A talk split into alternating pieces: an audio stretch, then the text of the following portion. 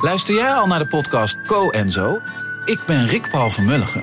Ik ben Nina de Lacroix. En samen met jouw man René voeden wij twee kinderen op in twee huizen. Co-ouderschap. We hebben het over alles wat je daarin tegenkomt. Maar ook over de juice tijdens onze kinderloze dagen, want die heb je ook in het co-ouderschap. Een podcast voor alle ouders in alle vormen, maar ook voor alle mensen zonder kinderen. Zijn we eerlijk, heerlijk herkenbaar. Dus luister naar Co en Zo in je favoriete podcast-app.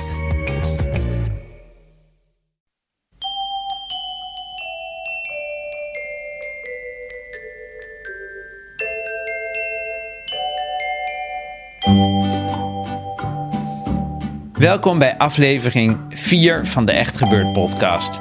Of misschien moeten we eigenlijk zeggen aflevering 5, omdat de 0 podcast inmiddels ook wel een beetje meetelt. Aflevering 5 dus. Waar echt gebeurde verhalen worden verteld door de mensen die het zelf hebben meegemaakt.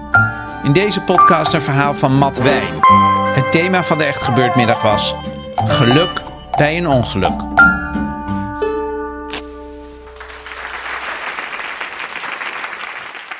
Ik heb een tijd lang eh, voor de radio. eh, iedere week had ik 10 minuten en dan mocht ik eh, doen waar ik zelf zin in had.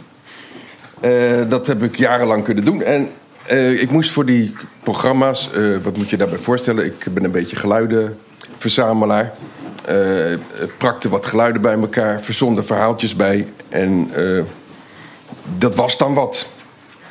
Eh, om, om, om daar eh, een beetje ge- reuring aan te geven, was er, werd er ook een in- internetsite opgericht. En voor die site maakte, je, maakte ik iedere week een eh affiche om reclame te maken over wat ik allemaal voor interessants te vertellen had op die radiocursiefje. dus het waren allemaal van dit soort postertjes. Kunt u niet zien, maar u kunt zien dat het postertjes waren. Nou, ik heb. Het gaat erom dat u weet dat het postertjes waren. Want dit, dit verhaal gaat over een week dat ik geen postertje had. Dus deze weken ging het allemaal goed. Dus, eh, nou, als we nou al die weken kijken. Eh, ergens in 2002 ging het mis. Eh, dat was in de zomerstop. Dat is wel mooi, want het is nu de kortste dag. En dit, gaat, dit verhaal gaat over de zomerstop. De zomerstop, ja, hier was het 4 juli. de week van 11 juli ging het mis. U ziet hier eh, 4 juli 2002 en hier 5 september 2002. Wat is er gebeurd? Eh, het was eh, zomerstop, dus dat was vervelend. In de zomerstop moet je herhalen, want er is geen geld voor programma's. Dus ik moest uit de oude doos programma's halen. En die zet je dan op de radio alsof het nieuwe programma's zijn. Je, eh, dus ik moest wel een postertje maken. Maar eigenlijk was het zomerstop. Ik kreeg geen, geen, geen, geen zomergeld of niks. Dus had een beetje de smeur in. Eh, je ga in die oude stapel zoeken. Want ik heb dit programma iets van 16 jaar gedaan. Dus er was genoeg in de stapel. Maar ik had een programma gevonden over uh, Piccalilli. Wat ik had gemaakt een paar jaar ervoor. Eh, dat was een programma dat was geassocieerd op een potje Piccalilli. Eh, ik had daar de associatie bij van een, een kanarie. Dat klinkt natuurlijk goed, een kanariedier. eh eh, twinkeleert. En die had een eh, klaar overpakje aan. Ook in van die felle kleuren. En die eh, met zo'n fel bordje ging die over een drukke weg eh, mensen heen en weer helpen. En eh, oh die werd dan natuurlijk in de puree gereden. Want het al- allitereerde lekker. Dus dan had je piccalilli. En dan had je, omdat de kanarie dan in, in, een lijkje hoorde, omdat die geel was uitgesmeerd, was het een soort uh, piccalilli likkenpikker, eh, likke- pikkelikkerij, eh lijkenpikkerij. En eh, nou ja, dat was allemaal eh, gele smeuring, maar met een hele felle kleuren. Dus daar zou je een goede postertje van kunnen maken. Maar ik had eh, geen piccalilli in huis. Dat was het probleem. En oh ja, het ging me ook om het dekseltje. Dat speelde ook een rol in het verhaal. Op de piccalilli potje zit altijd zo'n wit dekseltje met een rood eekhoorntje met het potje piccalilli in zijn, in zijn handjes. Met een staartje dan zo naar achter. Eekhoorntje wat je verder nooit ziet. Je ziet ook niet dat het piccalilli is. Het is een rood potje, terwijl de piccalilli geel is. Maar dat is, ik geloof, een coole man of zoiets. Eh, dus dat ging ik in de supermarkt zoeken. Gelukkig woon ik eh, in Den Haag. Dus, eh, aan, aan, een, drukke weg, de Laan van Meerdervoort. Dus ik eh, zo via de zebra oversteken naar de C1000. En dan dacht ik, dan hebben ze wel eens een potje piccalilli. En heb ik zo'n handig boodschappentasje. Dat was een, zo'n visnetje. Dat je niet, niet, niet, met zo'n enorme zak loopt. Maar dat je het wel in je, in je zak kan proppen. En als je terug gaat, kan doen. Want die- dan, dan kan het heel groot worden, die, eh, dat visnet. Dus uh, nou, naar de C1000 en heb ik de Piccadilly gevonden. Dat ging allemaal nog heel reuze goed. Uh, dus ik, mijn idee was van die pot op de, op de scanner gooien en dan een beetje uitsmeren. En dan kon je wel deze week in de wijde blik huppelen, Piccadilly blik. Dat moest wel lukken. Er was nog niks aan de hand. Maar ik afgerekend bij de supermarkt, ging terug op de zebra en toen ben ik geschept door een auto. Uh, die auto kwam. Uh, van, ik, ik, ik, liep zo over. Die auto kwam van rechts. En. Uh, ik, nou, ik dacht, die stopte wel. Die was van heel ver. Maar die stopte dus niet. En die. Ik liep hier met de Piccadilly in dat visnetje. En die auto kwam. dus in, in, tegen mijn rechterflank. Ik donderde met het netje met de Piccadilly door de voorruit. Over de motorkap. Stuiterde ik tegen een volgens mij een, een, een, verkeersbord van een fietspad. Wat toen helemaal krom stond. Die, die man die, die stopte. Zijn vooruit was dus helemaal. het was niet helemaal door, maar dat het zo helemaal wit is geworden. Dus helemaal broccoli en dan helemaal wit. Dat je niet, dat je niet meer goed kan zien. En dus, dus die man die zat zo op, op de zebra. Ik lag zo tegen een verkeersbord wat zo over me heen gevouwen was. En uh, de, de, de Piccalilli-pot was ongeveer hier zo over mijn hele lijf. ik was helemaal, helemaal geel. En natuurlijk lijkt Piccalilli heel erg op kots. Dus ik was... en ik was natuurlijk ook wel geschokt. Dus... Uh, ik begon, uh, ik weet wel dat ik gelijk weer bij mijn positieve kwam en begon te schelden, want ik dacht er wordt een grap uitgehaald. Wat is dit? Maar ik zat wel terwijl ik schold en ik wist niet precies wat er gebeurd was. En die man die kwam uit zijn auto en die, eh, die dacht natuurlijk dat ik mezelf had ondergekotst van, het, van ongeluk. Dus die dacht, uh, dus, dus was op zich nog wel gewoon goede bedoeling van ik moet die jongen naar het ziekenhuis brengen. Dus hij eh, ging op me inpraten van we gaan even naar de EHBO even kijken of alles wel in orde is. En ik was niet helemaal bij positieve, dus ik heb hem zo in die auto laten slepen. Maar die, maar die, er zat een hele grote witte sledehond volgens mij achterin. Die zat in mijn nek te, ik zat zo voorin naast hem.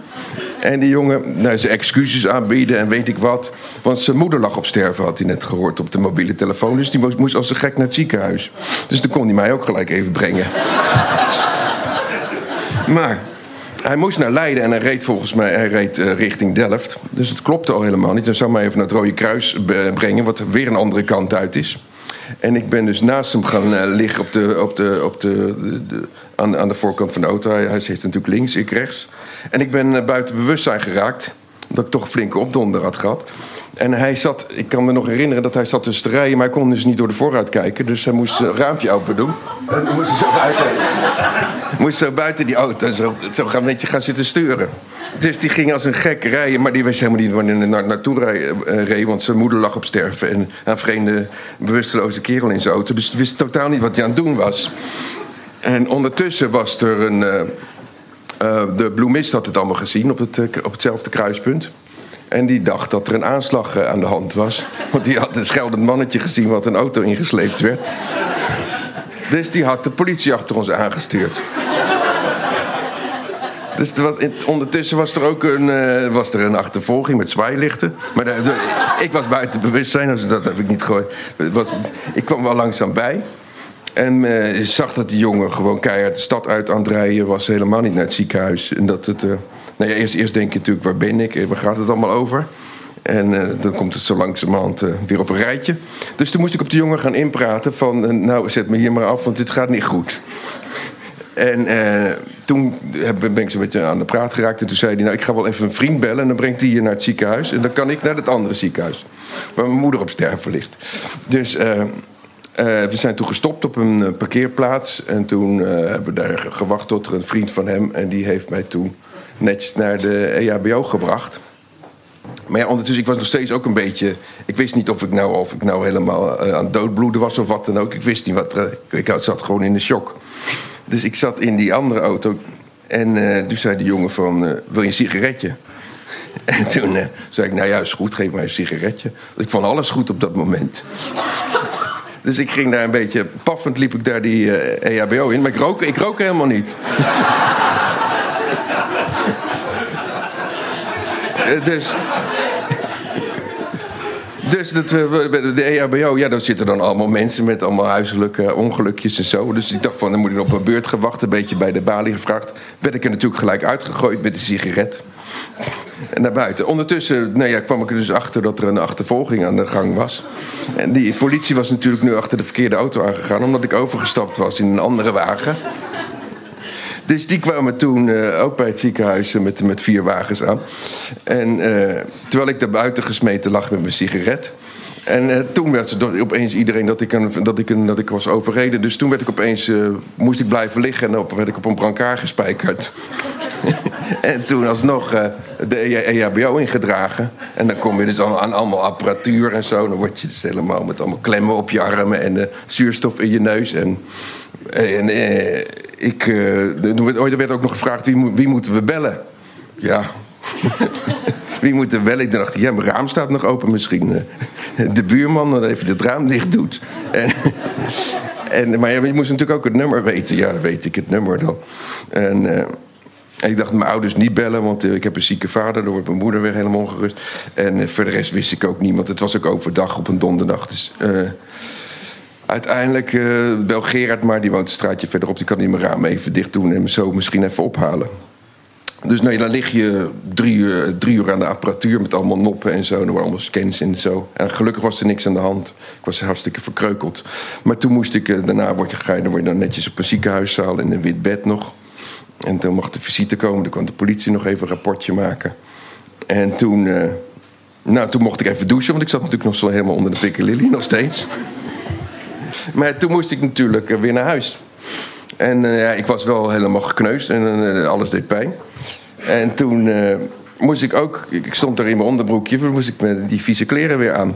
En dat eh, tasje had ik ook nog steeds. Dat was ook de hele reis had ik dat tasje krampachtig bij me gehouden. Ik moet nog wat met het potje doen. Maar dat was dus gewoon, ja, dat was zo'n propje met piccalilli en een en visnet. En, eh, en verder alleen maar scherven. Dus je kon het ook niet te hard vasthouden, dan ging je er ook van bloeden. dus eh, toen. ben ik uiteindelijk, heb ik uiteindelijk toch toen, toen dat tasje maar weggegooid daar. Ik mis het wel als iemand weet waar je die tasjes kan krijgen. Dan eh, hou ik me aanbevolen. En, eh, ik ben weer eh, thuisgebracht toen de, sta- de, de, op, achter op een fiets. Ik moest het hele, hele rot eind weer terug, want die jongen was van flink... Ik was op een ziekenhuis ergens in Leijenburg, dus helemaal in de buitenwijk vandaag terechtgekomen. En uiteindelijk nou ben ik dus... ja, heb ik toen maar gewoon de zomerstop voor lief genomen. En toen heb ik een paar weken niks gedaan.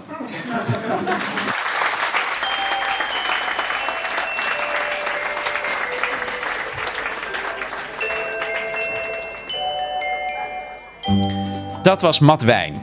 Matt is wat je noemt een geluidskunstenaar. De man ook achter de geluiden van VPRO's Radio Bergeijk. Tegenwoordig ook op onze podcast.